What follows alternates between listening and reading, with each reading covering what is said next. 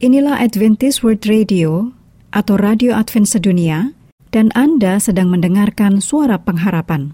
Untuk informasi lebih lanjut, silakan menulis email ke Bible at awr.org atau telepon ke WhatsApp di plus 1 224 222 0777. Radio Advent Suara Pengharapan yang kami pancarkan dari Pulau Guam melalui siaran dalam bahasa Indonesia. Salam sejahtera kami sampaikan kepada para pendengar kami di mana pun Anda berada. Selamat berjumpa kembali dengan kami, Radio Advent Suara Pengharapan. Dengan senang hati kami akan menemani Anda melalui rangkaian acara yang telah kami persiapkan khusus bagi Anda sekeluarga. Harapan kami, Semoga siaran ini dapat bermanfaat dan menjadi berkat bagi Anda semuanya. Selamat mengikuti dan selamat mendengarkan. Tuhan memberkati.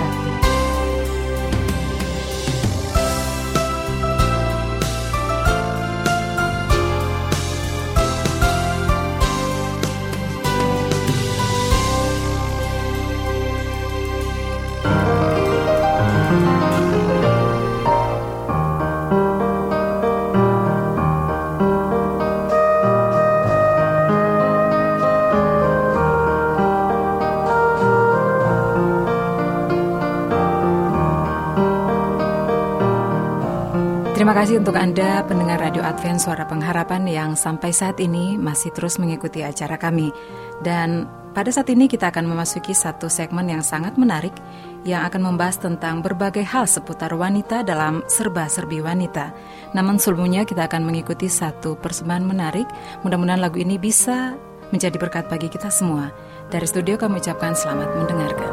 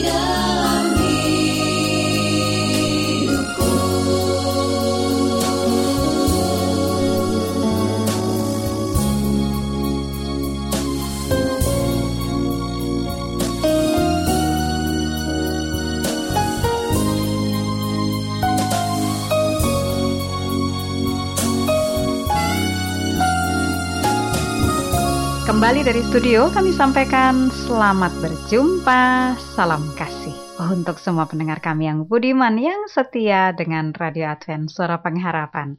Nah, para pendengar yang budiman, kali ini saya memang akan lebih kepada rekan-rekan wanita ya. Saya mau sapa dulu rekan-rekan wanita. Saya berharap semua ada dalam keadaan baik dan kehidupannya dipenuhi dengan semangat ya. Nah, para rekan wanita, kita lanjutkan nih serba-serbi wanita dan kali ini saya akan bersama dengan Anda dalam beberapa saat uh, ke depan untuk hal-hal seputar wanita yang terkait dengan kanker payudara. Memang betul bahwa kanker payudara ini lebih banyak penderitanya adalah uh, menyerang kaum wanita ya, tetapi bukan berarti hanya kaum wanita, ada beberapa kasus juga itu dialami oleh kaum pria. Namun memang karena sebagian besar adalah terkait dengan wanita, oleh sebab itu ini perlu kita ketahui bersama. Namun memang informasi yang berikut ini jauh lebih spesifik karena ini kepada kondisi di mana seseorang sudah pernah kena kanker payudara lalu ada cara atau ada hal yang sudah dibuktikan secara ilmiah untuk bisa mencegah supaya kanker payudara tersebut tidak perlu kambuh lagi. Ya, ini memang bahasannya bisa luas sekali kalau terkait dengan kanker ya. Oleh sebab itu mari kita fokuskan kepada bagaimana kedelai atau kedelai itu ya, soya itu bisa mencegah kambuhnya kembali kanker payudara. Memang hal ini terkait dengan pola makan. Nah, pola makan atau asupan makanan yang kandungan e, dalam kedelai yaitu namanya isoflavon itu cukup tinggi.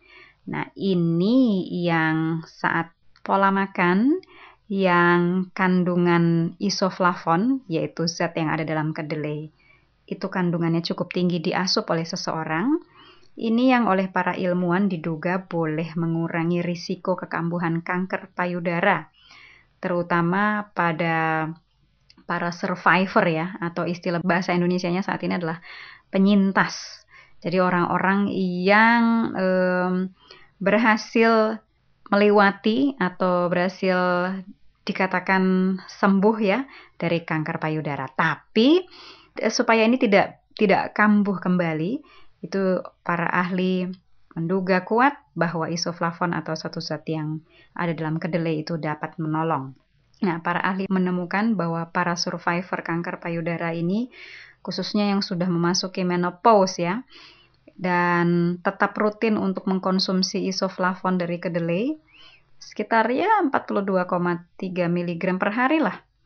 Itu risiko kekambuhan kankernya itu lebih rendah dibanding mereka yang makan isoflavon dari kedelai ini yang porsinya lebih kecil, contohnya saja cuma 15,2 mg per hari.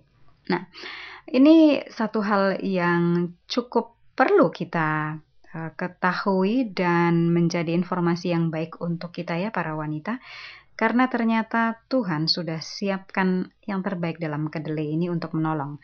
Namun sekali lagi, kalau Anda perhatikan tadi, ada ukurannya ya. Jadi itu sekitar 42,3 mg. Kalau kita mau bulatkan ke atas itu 45 mentok-mentoknya ya sehari. Jadi sebetulnya mengkonsumsi kedelai pun walaupun itu baik dan dalam kasus yang kita sedang bicarakan adalah dapat menolong untuk mencegah kekambuhan, itu semuanya harus dalam e, jumlah yang secukupnya, tidak boleh berlebihan.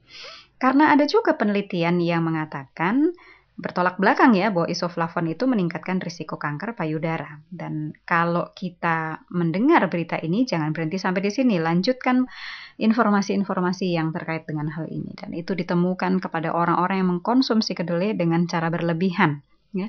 Jadi seharusnya contohnya saja tempe, kalau kita makan satu kali makan itu nggak boleh lebih dari 50 gram untuk tempe. Itu tempenya ya, kandungan isoflavonnya tentu akan berbeda tidak sama dengan e, 50 gram tempe.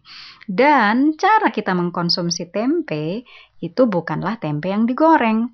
Apabila dengan cara penyajian yang demikian, maka kandungan yang tadinya baik malah itu akan menjadi satu hal yang bisa mengganggu kesehatan. Jadi kita harus lihat dengan bijaksana bagaimana kaitan antara bahan yang baik dengan cara penyajian dan jumlah yang kita makan ya.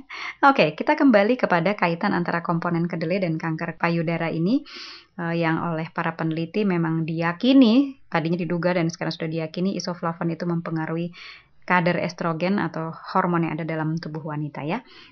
Nah, berikutnya menurut data National Cancer Institute Amerika Serikat, lebih dari 12% wanita yang lahir saat ini memang uh, punya bawaan nih. Jadi kalau pola hidupnya uh, mendukung, maka dia bisa didiagnosis kanker payudara dalam hidupnya. Ini ada 12% wanita nih ya. Dan para ahli menduga itu salah satunya dipengaruhi oleh pola makan seperti yang tadi sempat saya sampaikan bagaimana uh, penyediaan bahan-bahan kedelai ini. Lalu selama beberapa tahun para ahli terus mengeksplorasi manfaat kedelai bagi kesehatan khususnya untuk penyakit kanker yang sering menyerang wanita ya itu kanker payudara. Dan penelitian ini menunjukkan bahwa isoflavon dari kedelai nama khususnya lagi adalah genistein ya. Itu mampu menghambat efek tamoxifen. Tamoxifen ini merupakan obat terapi suli hormon pada wanita menopause. Dan genistein ini bisa meningkatkan pertumbuhan reseptor positif dari estrogen. Sehingga para peneliti sekarang yakin kalau memang seorang wanita bahkan dia sudah menopause pun lalu pernah mengidap kanker payudara, itu bisa dicegah untuk tidak kembali kambuh dengan mengkonsumsi isoflavon dalam kedelai yang secukupnya. Jadi para rekan wanita, saya kembali mengingatkan ya, bahwa dalam pola hidup sehat, kita emang harus terus untuk mengingat penguasaan diri, yaitu hal yang baik kita gunakan dengan secukupnya, moderation. Jadi tidak perlu berlebihan, juga tidak jangan kekurangan. Terima kasih untuk perhatian Anda. Biarlah ini akan menolong kita untuk lebih bijaksana menggunakan bahan yang sudah Tuhan siapkan di alam ya. Isoflavon dalam kedelai yang kita bisa dapatkan dari makanan kita sehari-hari. Sampai berjumpa pada kesempatan yang berikutnya rekan wanita. Kiranya Tuhan memberkati kita semua.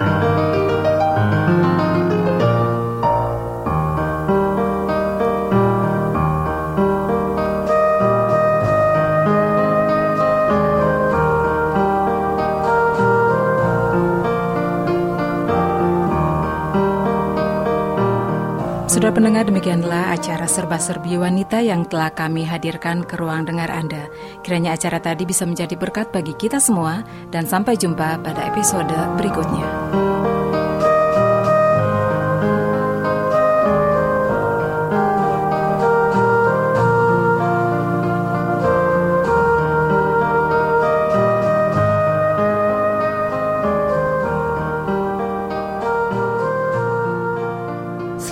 Marilah kita mengikuti mimbar suara pengharapan. Pernah ku tersesat, Yesuslah selamatkan, dan sinar kasih surga penuhi jiwaku. Namaku tersurat di kitab al-hayat, berjalan dengan Yesus hidupku selamat Tuhan Yesus dan menceritakan beban hidupmu. Dia dengar serumu dan segera jawab doamu. Bila kau rasakan berkat doamu, lalu imanmu makin bertumbuh. Kini selamatlah hidupmu. Inilah mimbar suara pengharapan dengan tema Langkah-langkah menuju pernikahan yang kudus. Selamat mendengarkan. Jalanku, suka dan berbatu, dan awan kegelapan menutupinya. Tetapi Tuhanku, cahayanya tentu, Oh pintalah kepada Yesus selalu Tuhan Yesus dan menceritakan beban hidupmu. Dia dengar serumu dan segera jawab doamu. Bila kau rasakan berkat doamu, lalu imanmu makin bertumbuh. Kini selamatlah hidupmu dalam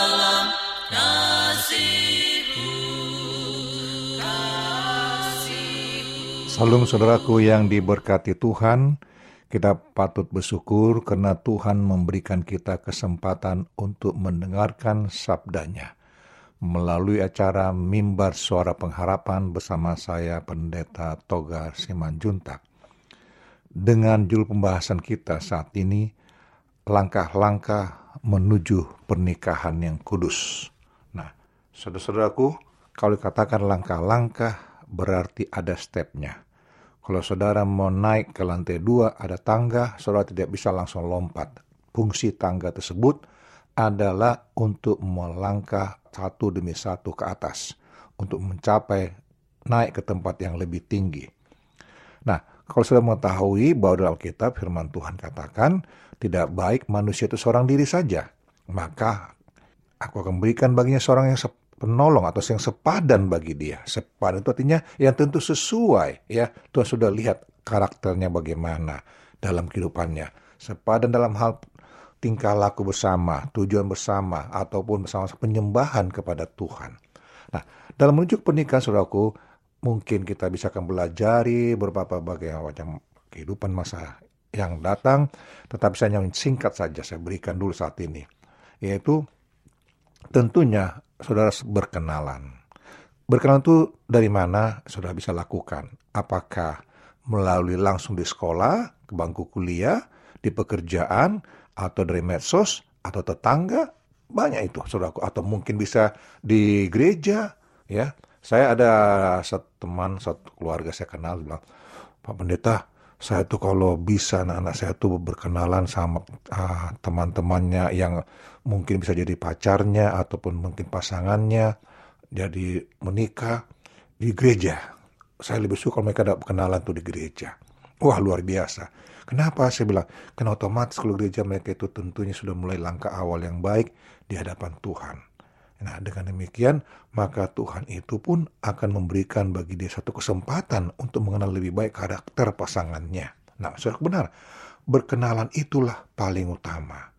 Lalu kemudian berkenalan itu meningkat menuju persahabatan. Nah, berkenalan itu saudara tentunya tidak bisa terlalu mengetahui apa keadaannya, situasi, kondisi dari teman saudara tersebut. Ya, mungkin saja saudara sudah tertarik kepadanya, saudara mungkin uh, merasakan satu kenyamanan dekat dia. Nah, saudara jangan lupa rasa persahabatan itu ya untuk menuju menjadi pasangan dalam pernikahan dimulai adanya timbul rasa senang, rasa nyaman, rasa damai jika berada di dekat orang yang kita senang ataupun calon pasangan kita itu. Itu paling utama. Tetapi kalau di sampingnya Anda tidak merasakan kenyamanan, tidak merasakan ketenangan, tidak merasakan sesuatu yang damai, tapi selalu was-was, selalu merasakan seperti ada ganjalan ataupun uh, rasa ketakutan dan tidak bisa berbebas menyampaikan sesuatu berbicara. Saran saya, jangan lanjut untuk bersahabat dengan dia Jangan apalagi untuk menjadi pacarmu, pasanganmu nanti. Ya, bersahabat itu adalah mulai saling mengenal isi hati satu sama lain. Mulai saling tukar menukar pandangan, lalu mulai saling bagaimana bertanya ini tuh ya mulai mengenal karakternya semua dan mau berbagi dengan penuh sukacita ya.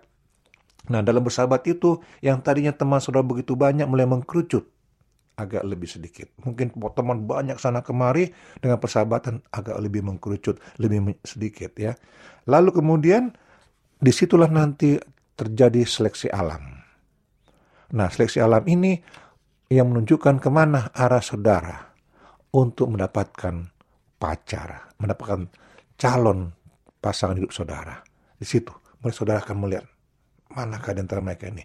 Intensnya, komunikasinya, ya, lalu kemudian uh, adanya satu saling mengisi ke, kecocokan berbicara ya. Bagaimana satu sama lain itu merasakan saling membutuhkan. Artinya saudaraku jika walaupun banyak sahabat-sahabat ada sekitar saudara tapi jika si A tersebut tidak ada situ rasanya kurang begitu nyaman kurang begitu klop kurang begitu bahagia dalam aktivitasnya itu harus saudara perhatikan jadi uh, mulailah ada satu perasaan lebih dekat dan mulailah sedikit atur dating atau pacaran. Ya, mulai ada pertemuan-pertemuan sendiri, tidak lagi bersama teman-temannya. Cara umum mulai ada uh, acara-acara sendiri dilakukan. Ya, mungkin pergi berjalan berdua ke pantai ke mana, mulai lakukan semua itu. Dan pacaran itu hanya lebih akrab lagi, ya, menjadi kekasih hatinya, menjadi persiapan untuk menjadi pasangan hidupnya. Nah, di situ mulai ada seleksi alam lagi. Ya, kekasih hati itu artinya sudah tidak ada lagi sekedar untuk sekedar pacaran-pacaran telepon-telepon, tapi sudah mulai intens menuju kepada rencana pernikahan. Nah, dengan demikian persiapan sudah mereka lakukan di situ, sudah mulai mereka perbu- apa yang mereka laku, uh, berbuat, tempat, apa cara, keluarga sudah saling mengenal dengan baik, ya. Lalu kemudian keluarga-keluarga juga Kerusakan saudara sudah saling mengenal. Lalu terakhir mulailah menuju kepada pernikahan. Nah, pernikahan inilah kuncinya. Tetapi saudara jangan lupa, di saat saudara masuk ke dalam pernikahan yang kudus, bukan berarti sudah selesai ya persahabatan ataupun masa pacaran atau kasih dengan istri saudara tersebut, pasangan saudara tersebut. Bukan. Justru dalam pernikahan itulah dimulai satu start sekolah seumur hidup. Saudara akan mulai mempelajari lebih dalam lagi akan keadaan pasangan saudara. Karena katakan kita mereka berdua telanjang tidak pakai artinya terbuka semua. Tidak ada perlu dimalukan lagi, tidak ada perlu hal dilakukan lagi, terbuka semua. Artinya apa? Tidak ada perlu saudara tutupin antara suami dan istri. Nah, di situlah saudaraku berlaku namanya sekolah seumur hidup. Artinya, selama saudara masih hidup di dunia dengan pasangan saudara, saudara selalu belajar akan karakter dari pasangan saudara. Dan saudara mengerti bagaimana karakter pasangan saudara tersebut harus siap untuk saling mengadakan satu uh, mengisi satu sama lain. Bukan saling membantah atau mengurangi, tapi saling mengisi, saling mengerti. Nah, itu dikatakan saudaraku, satu langkah-langkah yang menuju pernikahan. Yang pertama, berkenalan, lalu bersahabat, pacaran, dan mulai menjadi kekasih yang lebih hati-hati lebih akrab, dan kemudian menikah. Nah, saudaraku, jangan lupa untuk selalu libatkan Tuhan dalam setiap langkah-langkah ini. Jangan lupa selalu libatkan Tuhan untuk engkau bertanya, khususnya pada saat saudara ambil keputusan bahwa ini pacar saya, inilah kekasih saya, dan inilah nanti pasangan hidup saya. Nah, saudaraku, jika saudara mau didoakan ataupun ada hal saudara mau tanyakan, hubungi kami tim pelayanan mimbar suara pengharapan. Dengan penuh sukacita, kami akan melayani dan mendoakan saudara. Tuhan berkat saudara, inilah doa harapan kami. Kita berdoa, Bapa di surga, kami bersyukur karena Bapa berikan kami kesempatan untuk mempelajari langkah-langkah menuju pernikahan yang kudus. Bapa memberkati pendengar kami, agar mereka mendapatkan pasangan yang sepadan dalam kehidupan mereka. Terima kasih Bapak, dalam nama Yesus berdoa. Amin.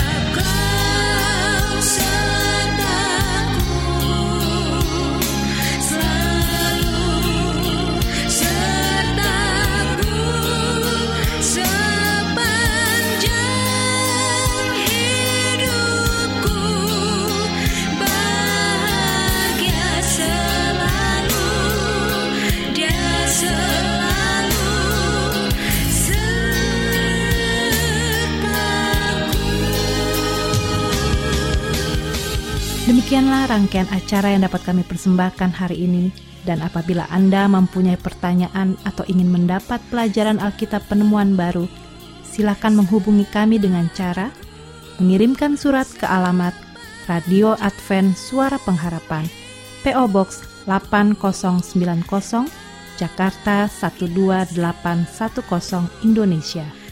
Telepon 0821 1061 1595.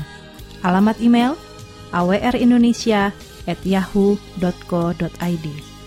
Anda juga dapat bergabung di Facebook kami, pendengar Radio Advent Suara Pengharapan, juga Radio Advent Suara Pengharapan. Terima kasih kami ucapkan bagi Anda semua pendengar kami yang setia. Kita akan berjumpa kembali pada waktu dan gelombang yang sama esok hari. Salam kasih dan sejahtera. Kiranya Tuhan memberkati kita semua.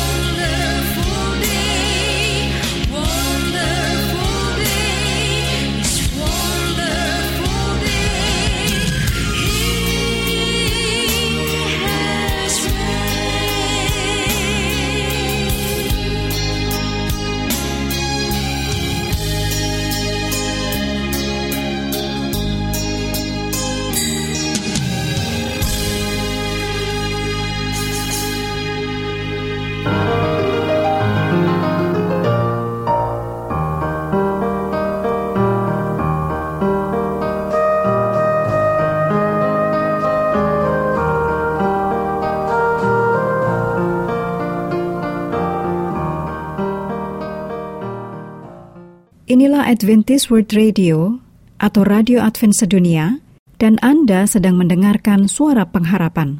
Untuk informasi lebih lanjut, silakan menulis email ke Bible at awr.org atau telepon ke WhatsApp di plus 1 224 222 0777